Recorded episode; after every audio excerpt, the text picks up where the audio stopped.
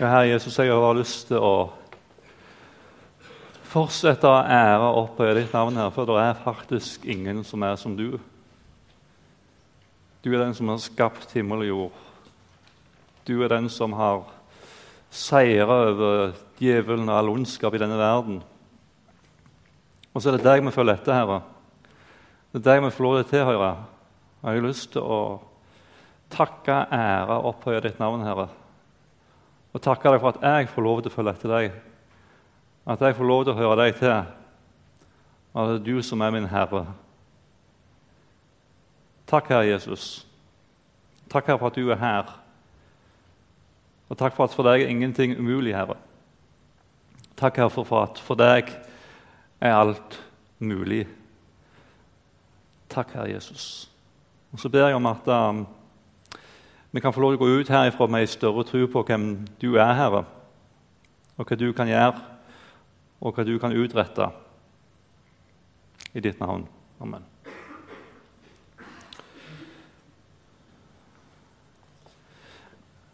Det er um, Jeg er utrolig privilegert som får, uh, får um, rundt å treffe mange flotte folk som er med i uh, Bergen Indremisjon sitt arbeid. Og nå var jeg her på fredag og fikk den gleden av å få lov til å være med YA-lederne.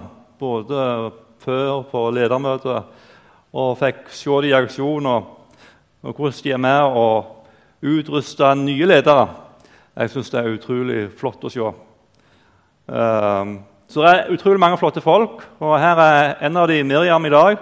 Det er så sporty å hive seg utpå og ta ledermøte, og som samtidig sitter i styret i Bergens Indremisjon. Så jeg har lyst til å gi henne en applaus her i dag.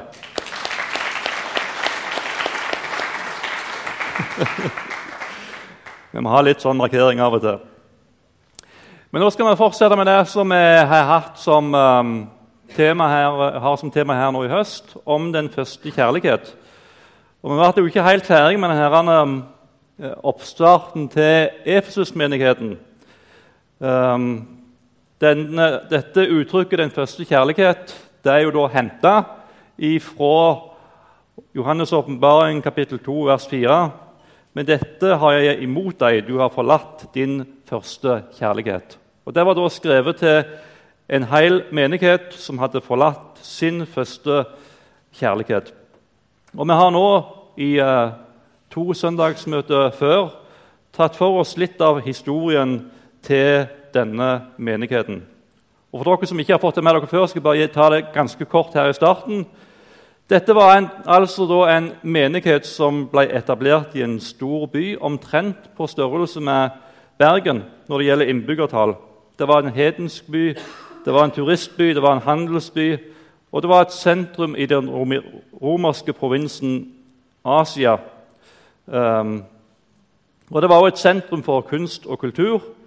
Og I denne byen her var Paulus lenge, mellom, altså var nærmere tre år. Mellom to og tre år, nærmere tre år.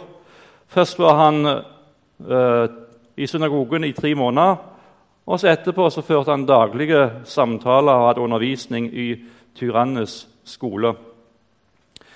Og Vi har gått en liten runde på denne menigheten og sagt litt om oppstarten. hvordan uh, Gud skapte et nytt liv i mange mennesker sitt hjerte.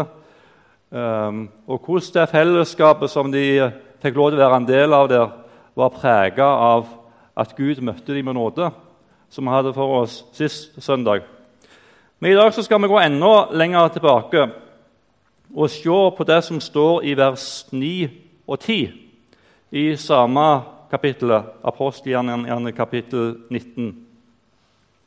Og Da leser vi noen gjorde seg harde og ville ikke tro, men snakket nedsettende om veien mens alle hørte på. Da brøt Paulus med dem og holdt uh, disiplene borte fra dem.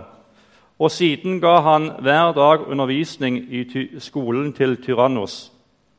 Dette fortsatte han med i to år, slik at alle som bodde i Asia, fikk høre Herrens ord både jøder og grekere. Jeg har lyst til at du skal se for deg det som her skjedde. Og husk, dette var før telefonen. Dette var før bilen gjorde sitt inntog. Dette var før eh, Internett, før satellittoverføringer, før alle tekniske duppeditter som kunne gjøre det mulig å spre evangeliet over et større område.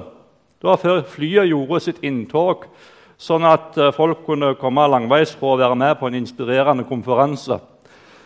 Det var før alt var sånn som det er i dag. Og Likevel så står det at pga. at Paulus var i tyrannenes skole og underviste for dem der, så fikk alle som bodde i den romerske provinsen Asia, høre Herrens ord. Og Da vi jo, kan vi jo begynne å tenke litt på hva i all verden var forklaringen på det. Paulus han, hadde jo ikke noen, han var jo i tyrannenes skole og underviste der. ikke sant? Og det er jo naturlig da, Hvis alle i Asia skulle få høre Herrens ord, så var det en sånn satellittoverføring. Men det var jo ikke det. Paulus han, Det står ikke noen ting om at han bevegte seg utenfor byen.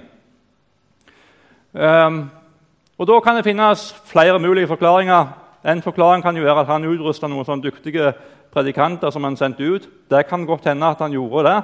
Men jeg tror òg at det var noe annet som skjedde der i denne byen, sånn at alle som bodde i Asia, fikk høre Herrens ord. Efesus eh, der var jo et knutepunkt i den romerske provinsen Asia. Det var en svær handelsby, det var en turistby, det var en by som folk var allfarta til. De kom der til denne byen til store religiøse fester, hedenske fester i denne byen der. Um, og Paulus han var der. Og så tenker jeg der, når de først kom til denne byen, her, så var det ikke sånn at de uh, var der bare en time og to, og så for de igjen. Jeg tror at de var der i lengre tid. Uh, når de først var kommet inn til denne byen, her, så undersøkte de litt om hva slags liv som rørte seg. Og Mens de var der da i Efesus, så fikk de høre om denne mannen som heter Paulus, som kom med en ny religion. Han underviste for mennesker i tyrannenes skole. Og Her møtte de noe. De kom der, og så lytta de til Paulus og det han forkynte for dem.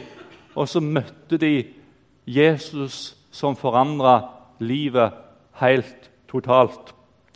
Det var rett og slett, De ble rett og slett møtt av et budskap om Jesus som verdens frelser, som forandra deres liv. Og Så reiste de jo tilbake igjen til der de kom ifra.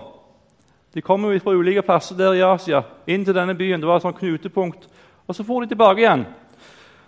Og så begynte de å dele evangeliet med mennesker i området der de bodde.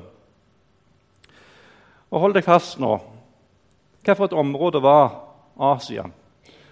Eh, nå skal vi få opp et bilde her. Her ser dere Her er jo Norge langt oppi, oppi Gokterane. Um, og så har du da det romerske riket med alle sine provinser som du ser der. Og Den lille røde flekken der den er jo faktisk ikke så ganske liten. Den er på størrelse med eh, Hordaland, Sogn og Fjordane, Nordmøre og Romsdal. Den eh, flekken der. Så det var et ganske stort område som eh, denne provinsen Asia. Og så har du hele det området som i dag kalles for Tyrkia. Eh, det ble kalt for Lille-Asia. Uh, og i hele det området der så bodde det på 300-tallet 15 millioner innbyggere i hele det området som heter Tyrkia i dag. Uh, og det, så langt som jeg har klart å finne ut av Nå kan det godt være jeg tar feil, dette er ikke vitenskapelig dekning for, men så langt som jeg har funnet ut av, så er det ikke så veldig stor forskjell på innbyggertallet ifra når Paulus var i Efesus så i år 300. Så hvis du da tenker at um, lille Asia, eller den, den, den, romerske provinsen Asia Der bodde det det var ca. en fjerdedel av hele det området som heter eh, Lille-Asia. Så bodde det eh, mellom tre og fire millioner mennesker i hele det området der. Og hvis du går litt nærmere på neste bilde, så ser du et eh, nærbilde av, av eh, dette området. Og i dette området her så har du alle disse sju menighetene som eh, Johannes skriver brev til i Johannes' åpenbaring. Og jeg vil tro at Noen av disse menighetene hadde sitt utspring ifra den virksomheten som Paulus hadde i Efesus, eh, som vi leser om i Apostelgjerningen kapittel 19. Men tenk, da. Da står det at alle som bodde i dette området, fikk høre Herrens ord. Og Det var sikkert mange som ikke hadde hatt kjennskap til Jesus i det hele tatt før. Men alle som bodde i dette området, her, de fikk høre Herrens ord. Um, jeg syns det er utrolig sterkt at alle disse millioner mennesker her fikk høre Herrens ord. De hadde ingen bibelskole. Vi vet ikke hvor lenge de var der i byen og fikk høre på Paulus, og hvor lenge liksom hadde fått Skulle tro om de var sånn skikkelig indremisjonsfolk og var skikkelig innbarka. Jeg tror ikke det i det hele tatt. Ehm, de hadde ikke fått eh, de hadde ikke, Vi ville sagt at disse folka her, de er ikke grunnfesta nok til å kunne sendes ut. Og så hadde vi sett begrensninger på hva Gud kan gjøre gjennom et menneske. De hadde ingen bibelskole. De hadde ingen T2, som vi har på Bildøy, der du går ei andreårslinje og blir på en måte utrusta for tjeneste. Vi tenker kanskje ofte sånn ja, så går de på bibelskole så går de på T2, og så kan vi slippe dem ut. Ikke sant? Men vi ser ikke det her. Eh, for i løpet av disse to åra her så fikk I løpet av disse to-tre åra her så fikk alle som bodde i Asia, høre Herrens ord. Så jeg vil tro at det, det var veldig variert hvor mye de fikk med seg. Noen, fikk, noen var der lengre tid, andre var det kortere tid. Men evangeliet det fikk noen sånne føtter som gikk. ikke sant? Ser du for deg det? Evangeliet kom inn her, og så begynte det å skje noe. Og så begynte føttene å rulle og gå. Og så begynte hendene å arbeide, og så begynte munnen og vitne om den Jesus som de hadde møtt. Og så fikk stadig nye mennesker i denne romerske provinsen Asia høre Herrens ord. Ehm, det var mennesker som eh, ble tent i brann. De fikk en brann på innsida av hjertet sitt som gikk til nye mennesker. Um, evangeliet, hva er det for noe? Hva er det for ei greie? Jeg har sett en liten sånn overskrift i mine notater. herrene. Evangeliet stopper ikke når det kommer inn i et hjerte. Det står i uh, Romerbrevet kapittel 1, vers 16.: For jeg skammer meg ikke over evangeliet. Det er en Guds kraft til frelse for hver den som tror. Jøde først, og så greker. Og Det er det vi ofte, og det synes jeg er utrolig fantastisk. Evangeliet er en Guds kraft til frelse for meg som tror. Um, både for jøder først og så for greker. Jeg kjenner på en utrolig takknemlighet over den frelsen som Jesus har gitt til meg. Men det vi ofte gjør, det er at vi stopper der og så sier vi at dette er evangeliet. Men evangeliet er mye, mye mer enn bare og Unnskyld jeg bruker uttrykket 'bare'. jeg setter det i hermetegn. Det er ikke bare en Guds kraft til frelse.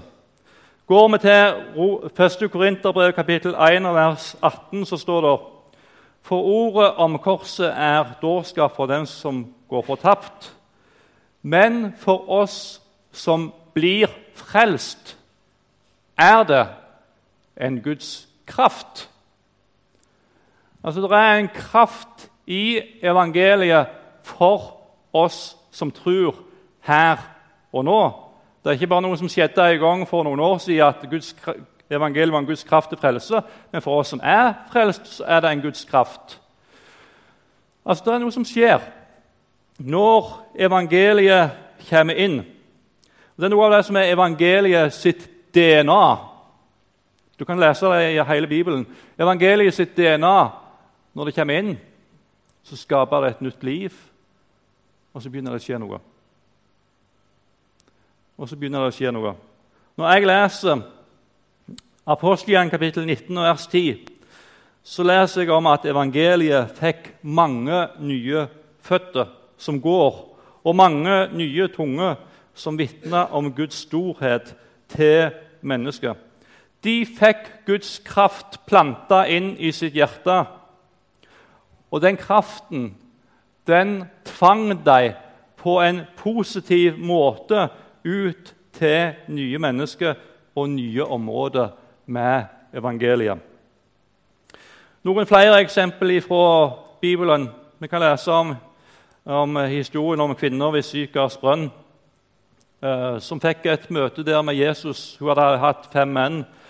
Eh, og Så går hun inn i denne byen og forteller Kom og se en mann som har sagt meg alt jeg har gjort.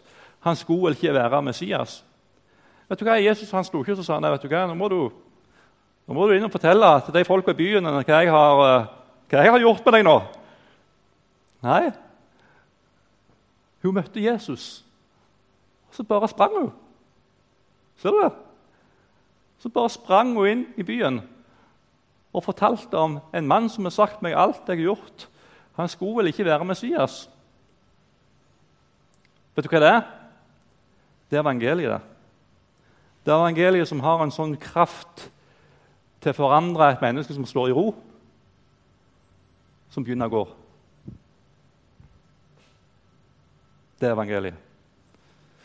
Vi kan lese det gjennom Apostelens gjerninger. Et eksempel her fra Apostelen kapittel 4 om eh, de første kristne som ble fulgt med Den hellige ånd, og som gikk ut og talte Guds ord med frimodighet. Og Tidligere i Apostian kapittel 4, vers 19 og 20, så står det Men Peter og Johannes svarte dem til dem når han sto for det høye rådet. Døm selv, er det rett i Guds øyne å adlyde, adlyde dere mer enn ham. Men vi kan ikke la være å tale om det vi har sett og hørt. Hele den kristne historien den er ene, en eneste stor fortelling om hvordan evangeliet forandrer mennesker innenfra, gjør de til nye mennesker. Og evangeliet får nye føtter som går, nye hender som arbeider, og tunge som vitner om Guds storhet til nye mennesker. Det er hele den kristne kirke sin historie. Jeg må putle meg litt videre. Ehm, det andre jeg tenker Det første var evangeliet kommer inn med en kraft som forandrer dem, og som gjør at de går. Eh, og det andre det er at Paulus han satte mennesket i frihet. De som kom og fikk møte Jesus gjennom Paulus sin virksomhet, må ha møtt noe mer som ga dem en frimodighet til å gå tilbake igjen til sine heimsteder med evangeliet. Han sa ikke til dem dere, vent, reis hjem og så, og så venter dere til jeg kommer og skal holde ei saftig preik for alle de som bor i byen. Og så skal det skje store ting i byen deres når jeg kommer til dere.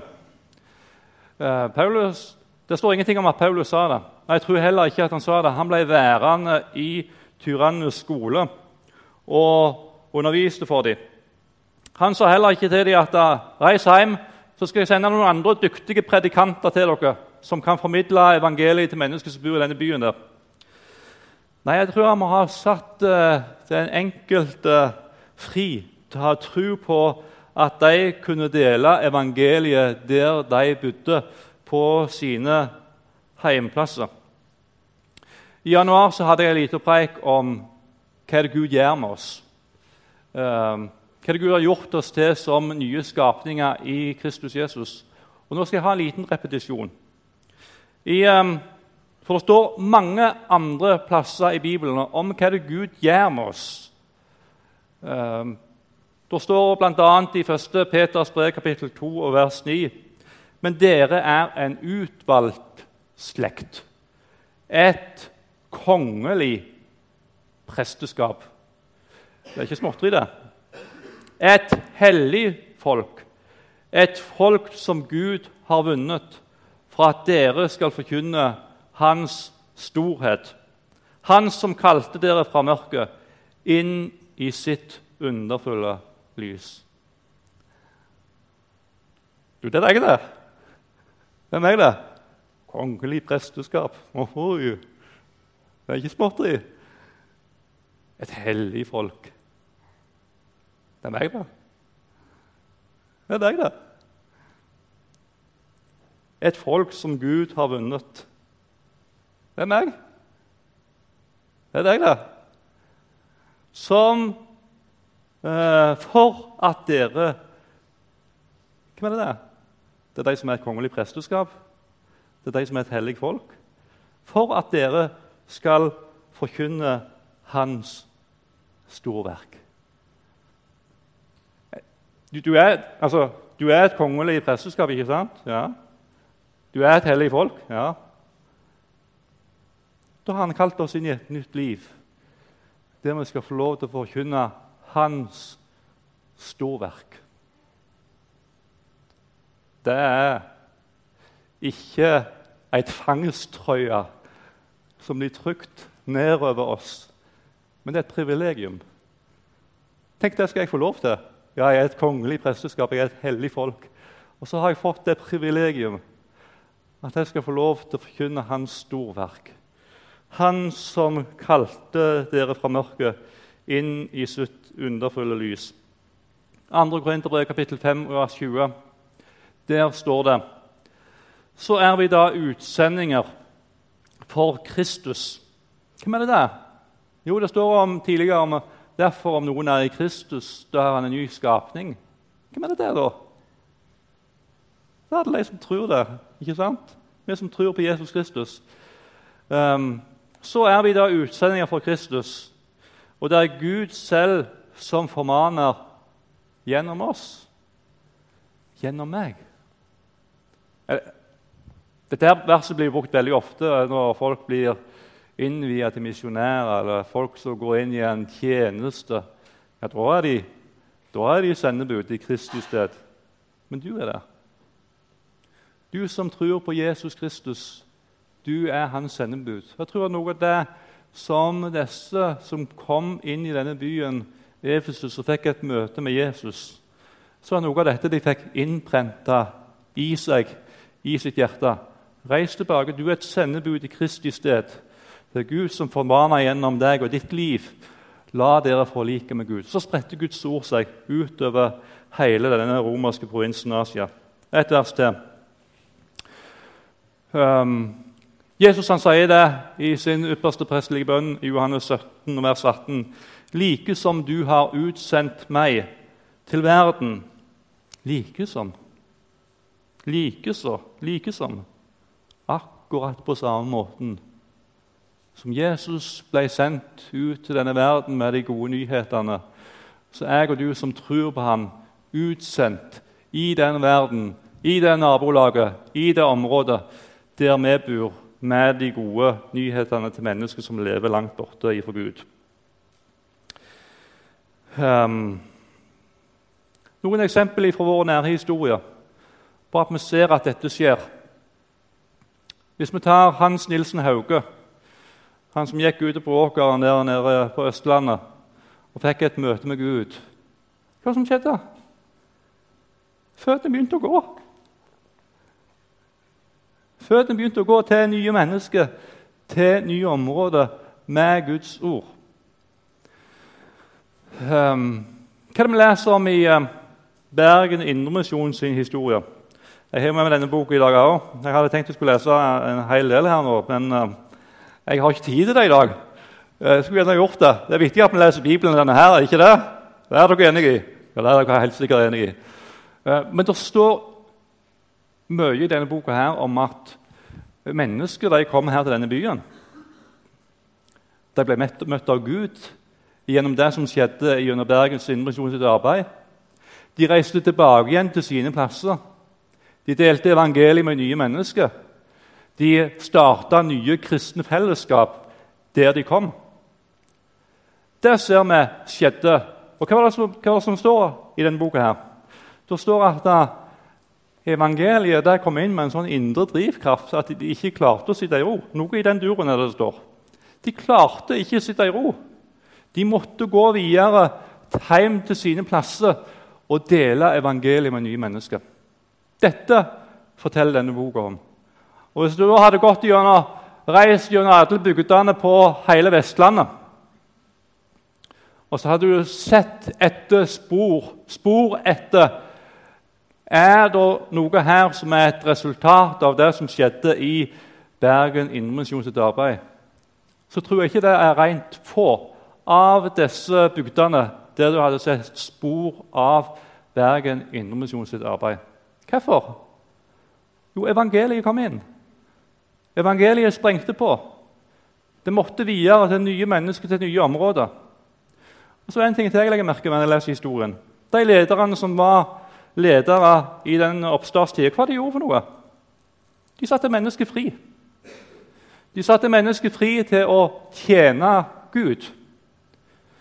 Um, og så tenker jeg Det er noe i røttene til denne forsamlinga sin historie som jeg tror vi trenger å gjenoppdage og fornye inn i vår egen tid. Et annet eksempel fra Bergen Indremisjon sin historie.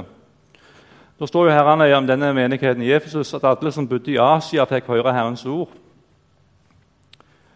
Og Hvis vi skal dra en liten parallell da, i det vi i dag kaller Asia, så er det ikke så rent få millioner mennesker som er blitt møtt av Gud pga. noe som skjedde her i denne forsamlingens arbeid. Hva var det som skjedde? Jo, det var noen damer som hadde møtt Gud, som hadde møtt hans kjærlighet, og som hadde blitt forandra i sitt hjerte. Og Så kom det en kar som heter Sivert Gjerde i denne, denne byen her på 1800-tallet og fortalte om alle disse millionene kinesere som dør hvert år uten å ha hørt om Jesus. Og hva var det de tenkte da? Jo, de tenkte det. Dette kan vi ikke sitte i ro og bare se på. Dette må vi gjøre noe for. Og ut ifra det hjertet der som de kjente sprengte sånn på, så starta de opp Kina Misjonsforbundet, som i dag heter Norsk Luthersk Misjonssamband. Um, og så er det ikke rent få mennesker som er blitt møtt igjennom at Gud fikk tenne noen hjerter. Ser du det? Ser du, ser du, hvor avgjørende viktig det er at Gud han får tale inn i vårt liv? Og ser du for hvilke store konsekvenser det kan få når Gud får tak i noen mennesker? Og Tenk det var noen kvinner her. Det var ikke akkurat det som var mest uh, vel ansett på den tida der. Uh, hvis vi går 120-30 år tilbake i tid så var ikke kvinnene de mest vel ansette. Men Gud berørte de. De måtte både true og be for å få dette gjennom i styret til Bergens Indremisjon. Men til slutt så gikk de med på det. Så starta de opp. Og så har det fått enorme rekkevidde. Um, ser du likhetstrekkene? Jeg ser veldig store likhetstrekk mellom denne forsamlinga sin historie og det vi leser om i menigheten i Efesus. Veldig store likhetstrekk. Men hvordan er det i dag, da? Og nå har jeg lyst til at, skal, at du skal Vi er ikke et rom som er fullt av fordømmelse. Jeg har lyst til å si det. Vi er ikke et rom som er fullt av fordømmelse. Vi er et rom fullt av nåde. Og Det kan være at noen sitter her allerede nå og kjenner på en enormt dårlig samvittighet. Jeg har lyst til å si jeg har ikke lyst til at du skal kjenne på noen som helst dårlig samvittighet. Vi er et rom fullt av Guds nåde. Um, og Jeg har lyst til å si en ting til. Jeg har ikke lyst til at du skal gå hjem nå og tenke at nå må jeg ta meg sammen. Nå må jeg få skikk på kristenlivet mitt. Nå må jeg vitne mer. Nå må jeg få mer gang på meg. Du skal ikke gjøre det. Hvis du ikke kjenner noen som helst lyst til å vitne om Jesus, så skal du tie stilt. Du skal ikke si et ord hvis ikke du kjenner en indre trang til å dele evangeliet med nye mennesker, så ti stilt. Men jeg har lyst til å stille deg noen spørsmål. Uh, jeg har lyst til å stille deg noen spørsmål for, å, for kanskje å hjelpe deg til et liv med Gud der Han får lov til å følge deg. Og nå skal du høre. Har du aldri Har du aldri kjent en indre glede over å få lov til å høre Jesus til? Har du ikke det? Har du aldri kjent en indre glede? Tenk at jeg får lov til å være Guds barn. Tenk at jeg får lov til å høre Jesus til. Ja, du kan si det. Ja, jeg sitter her. Jeg er glad jeg får høre Jesus til. Men har du kjent at det gjør noe med livet ditt? En indre glede og takknemlighet for at du får lov til å høre Jesus til. Har du aldri kjent en indre trang til at andre mennesker skal få lov til å bli møtt av Jesus? Har du aldri kjent på det? Ja, vi skal jo vitne om Jesus. Vi skal jo vitne om han for andre mennesker. Men, men jeg har lyst til å spørre Du kan det kanskje her? Du kan det kanskje her at ja, det er sånn det er. Vi skal fortelle om Jesus til nye mennesker. Ja. Så sier du med forstanden, men sier, har, har, du noen gang sagt det med hjertet ditt? At du kjenner det? At og det, det, handler om å få lov til å møte den Jesus som jeg har fått lov til å møte i mitt liv. Um, har du aldri kjent en indre trang til å dele evangeliet med nye mennesker? Har du aldri kjent det? Ja, Du kan si ja, vi må dele evangeliet med nye men Har du kjent en indre trang? At jeg må få, jeg må fortalt naboen min om Jesus. Jeg må fortelle, jeg må fortelle arbeidskollegaen min om Jesus. Ikke som, sånn at Ja, det bør du gjøre. Altså, Det kan vi kjenne på av og til.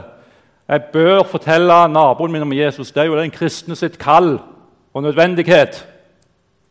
Er det sånn du kjenner det? Eller kjenner du sånn i indre Jeg må bare få lov til å fortelle naboen min om Jesus. Ikke noe som et resultat av din dårlige samvittighet. Um, jeg har lyst til å spørre deg Har du Jesus bare som en uh, tom teori? Alt sitter her. Som en tom teori som aldri har gjort noe med livet ditt. Evangeliet, når det kommer inn Det er ikke ny kunnskap som kommer inn. Det er ikke en, eh, det, ja, det er ny kunnskap, det er det òg. Men det er ikke først og fremst noe som fyller hodet ditt. Vi kan være så fullt av Bibelen, vi kan være så fullt av at vi kan kunne alt opp og ned og på rams. Du kan kunne det her. Du kan være professor i teologi. Men, men, men det sitter bare her. Det er en ganske stor forskjell fra det sitter her, til at det kommer ned her i hjertet ditt. For da, da skjer det noe. Um,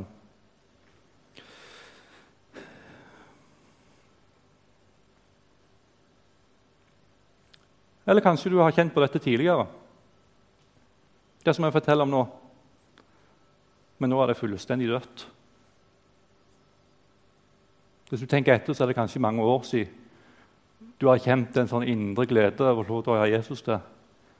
Det er mange år siden du har kjent på at andre mennesker skulle blitt møtt av Jesus. Det er mange år siden du har kjent på at naboen din ikke tror Jeg må bare fortelle ham om Jesus. Det kan godt være at det er mange år siden.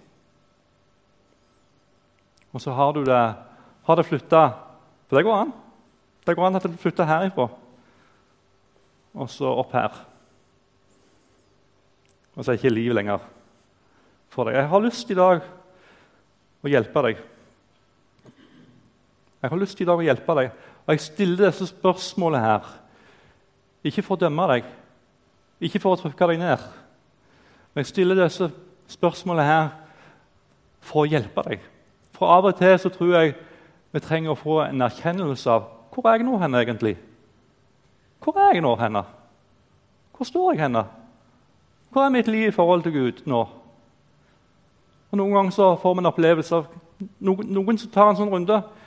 De erfarer det. vet du, Jeg har aldri vært en kristen. Jeg Jeg har gått inn og ut i en kristen forsamling i mange år, og jeg, jeg har aldri kjent Jesus. Jeg. Mens andre erfarer og opplever at vet du hva, dette har jeg, dette har jeg, eh, dette har jeg levd i før, men jeg lever ikke i det nå.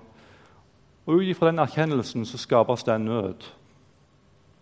Det kan være at du kjenner på en, en indre nød i hjertet ditt nå. Jeg har ikke lyst til å slå deg enda lenger ned, men jeg har lyst til å si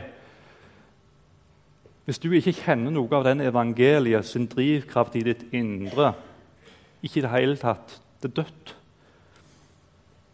Så jeg har lyst til å si søk Jesus. Søk Jesus. Noen her trenger kanskje å komme til Jesus for første gang. Andre trenger kanskje å få lov til å møte Jesus til en fornyelse i sitt eget kristenliv der Jesus får lov til å komme inn og fylle andre områder, nye områder av livet ditt. Der Jesus får lov til å gjøre sitt verk i eh, ditt hjerte og i ditt liv. Så jeg har bare lyst til ganske enkelt å invitere deg til Jesus. Så Jesus han er her. Og Han møter deg ikke med fordømmelse. Han møter deg med nåde. Han møter deg med tilgivelse. Nå må jeg prøve å lande dette her etter hvert. Jeg tenker at Jesus er den samme i dag. Jeg. I Hebreabrevet kapittel 13 og vers 8 så står det Jesus Kristus er i går og i dag den samme, ja, til evig tid. Noen kan tenke at jeg må være litt gal, jeg.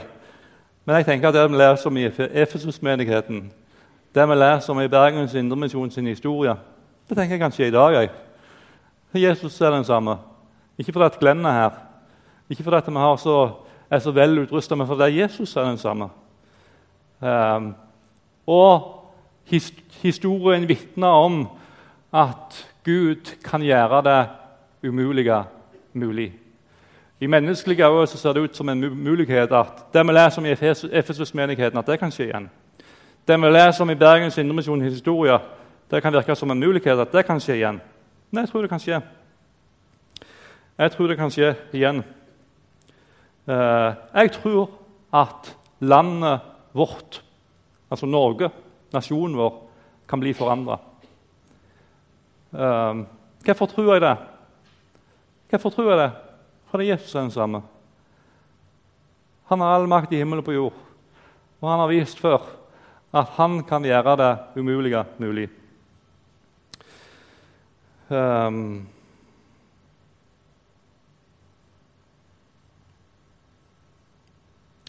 Et vers helt til slutt. Markus 10, 27.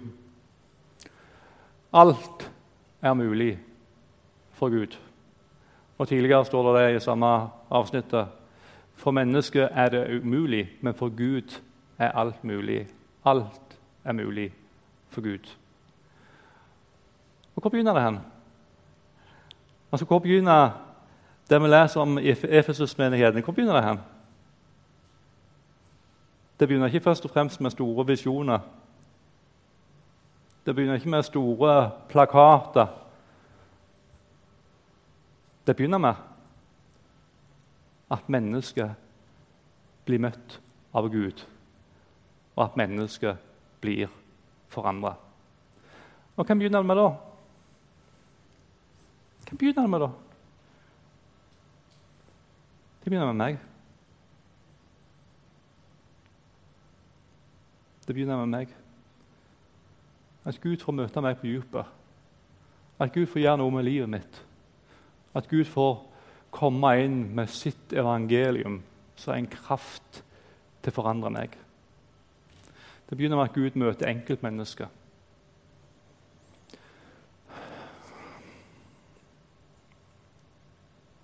Herre Jesus. Herre Jesus Kristus. Um, du ser oss nå. Du ser hver enkelt av oss. Jeg har lyst til å be deg om at du må gjøre ditt verk i vårt liv, Herre. Ganske enkelt. Så er det noen som sitter her og kanskje tenker at ja, dette var litt tøft. Um, så takker jeg for at du ikke, du ikke vil møte oss på en sånn måte at vi skal grave oss ned. Men du vil, uh, du vil møte oss i våre liv der vi står, Herre, med nåde, oppreisning og tilgivelse. Takke og prise deg, Herre, for den du er. Jeg ber om stillhet og ro. Jeg ber om at du må arbeide videre i våre hjerter, i våre liv. Og at ut ifra det så kommer det et liv, Herre, der andre mennesker blir møtt av deg, Herre. Herre, det ber jeg om. I ditt navn. Amen.